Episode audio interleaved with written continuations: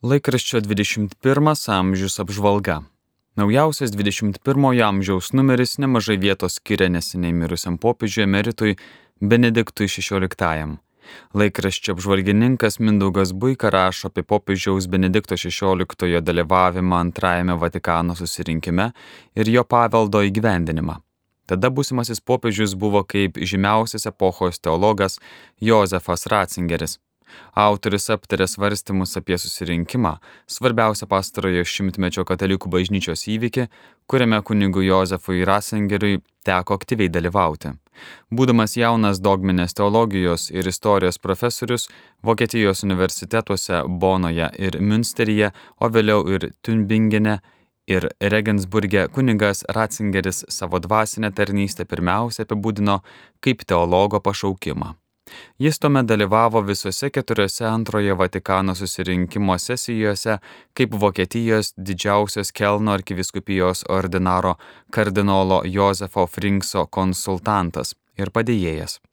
Pirmojoje sesijoje popiežius Jonas XXIII kuniga Josefą Ratzingerį dėl jo turėto teologinio autoriteto paskyrė oficialiuoju ekspertu peritus ir suteikė galimybę esmingai prisidėti rengiant dokumentus. Šis įnašas buvo išties reikšmingas.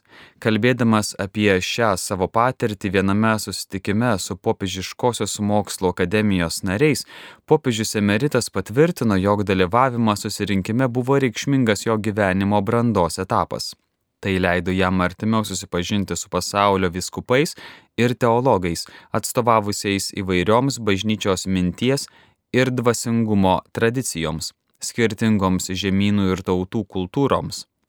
Tolesnėje savo ganytojiškoje tarnystėje, būdamas Müncheno arkivyskupu, kardinolu, tikėjimo mokslo kongregacijos prefektu ir galiausiai popiežiumi, jis rūpinosi, kad antrojo Vatikano susirinkimo paveldas būtų teisingai suprastas ir įgyvendintas.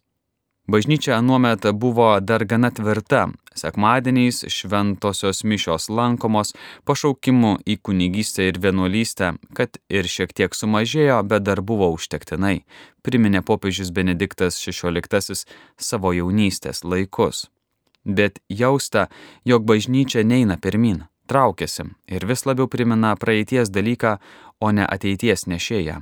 Beje, 1958 metais teologijos profesorius Ratzingeris publikavo didelio dėmesio susilaukusi straipsnį Naujoji pagonybė bažnyčioje.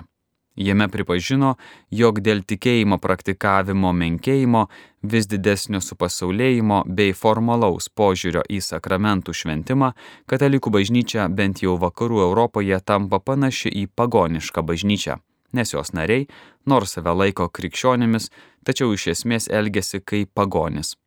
Taigi buvo dideli lūkesčiai, kad susirinkimas viską atnaujins, ateis tikros naujos sėkminės, nauja bažnyčios era ir atgavusi jėgas jį galės atverti žmonijai kupiną pasitikėjimo ateitį, vesti į tikrąją pažangą.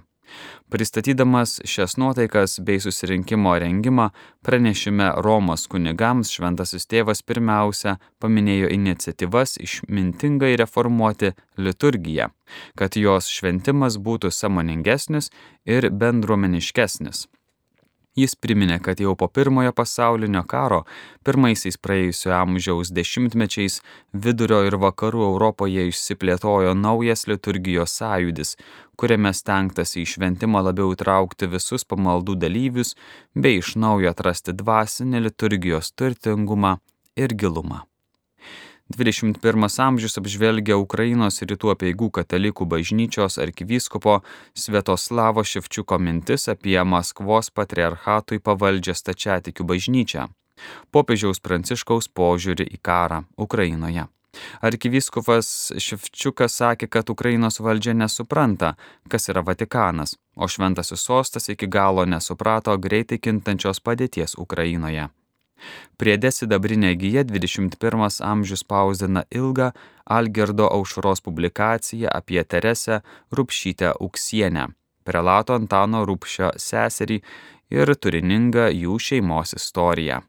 Kitame rašinyje jau laikraščio priede abipus Nemuno Vytautas Žeimantas supažindina su baltarusių poete Vanda Marcinš Dušreiš. Įdomi jos gyvenimo istorija, ji gimė Baltarusijoje, caro metais tai buvo Švenčionių pavietas, bet Adutiškio parapija. Adutiškio bažnyčioje ji ir pakrikštita.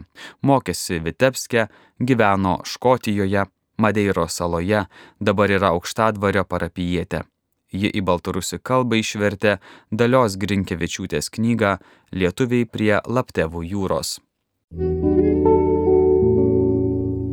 Jūsų dėmesio į vasario mėnesio maldinėlio Magnificat pristatymas. Šį mėnesį paėmė į rankas Magnificat maldinėlį, viršelėje regime miniatiūrą vaizduojančią Dievą kurėją. Daug smulkių, subtiliai parinktų detalių tarsi atspindi kūrinėjo grožį, įvairovę ir darnų sudėtingumą. Ši miniatiūra džiugi, jos spalvos šviesios, gyvos, primenančios pavasarį, pražystančių hecintų atspalvius, kartu jį kviečia pažvelgti aukštyn, į dangų. Mūsų šiame paveiksle dar nėra, bet jau esame numatyti kaip panašumas į kurėją. Mums irgi skirta tapti tam tikrais šviesuliais, kurie gauna šviesą iš viešpaties ir turi ją perduoti kitiems. Rašo menotyrininkė Jolanta Sereikaitė, pasakojime apie viršelio paveikslą. Įžengėme į vasarį, nors šis mėno kiek trumpesnis, bet liturgiškai labai turtingas. Jį pradedame melzdamiesi už pašvestuosius brolius ir seseris, dėkodami už jų maldą ir dažnai mažai kam matomas, bet labai svarbes tarnystės. Paskui bus daug kitokių minėjimų - švenčių, garsių šventųjų, o baigiantis mėnesiui iš eilinio laiko pereisime į gavėnę - pasirengimą švesti svarbiausią išganimo įvykį. Eilinio laiko sekmadieniais atsiversime pirmąjį laišką korintiečiams, kurį šiame numeryje išsamei pristato sesuo Benedikta Rolen. Šalia kitų laiško temų užsimenama ir apie krikščionio pasirinkimus. Svarbus principas - viskas man valia, bet ne viskas naudinga, ne viskas ugdo. Pauliui krikščioniška moralė yra pagrįsta laisvė, ne reglamentais bet krikščionis turi gyventi tiesoje ir visuomet pasirinkti tai, kas atitinka naują gyvenimą dvasioje ir kas yra gera kitiems. Rašo sesuo Benedikta. Vilijos Tauraitės parengtame pasakojime sužinosime apie Vilniuje gyvenusią palaimintąją seserį Dominikonę Juliją Rodzinską. Ši talentinga pedagogė, našlaičių globėja, karo metais buvo vokiečių įkalinta ir išvežta iš Tudhofo koncentracijos stovyklą kur irgi nepaliovė rodyti artimo meilės. Ten išsekusi mirė nuo šiltinės likus vos keliems mėnesiams iki stovyklos išvadavimo. Popiežius šį mėnesį kviečia melsis už parapijas. Dvasininkų kongregacijos parengtame dokumente skaitome. Visi, kas sudaro parapiją, yra kviečiami į bendrystę ir vienybę.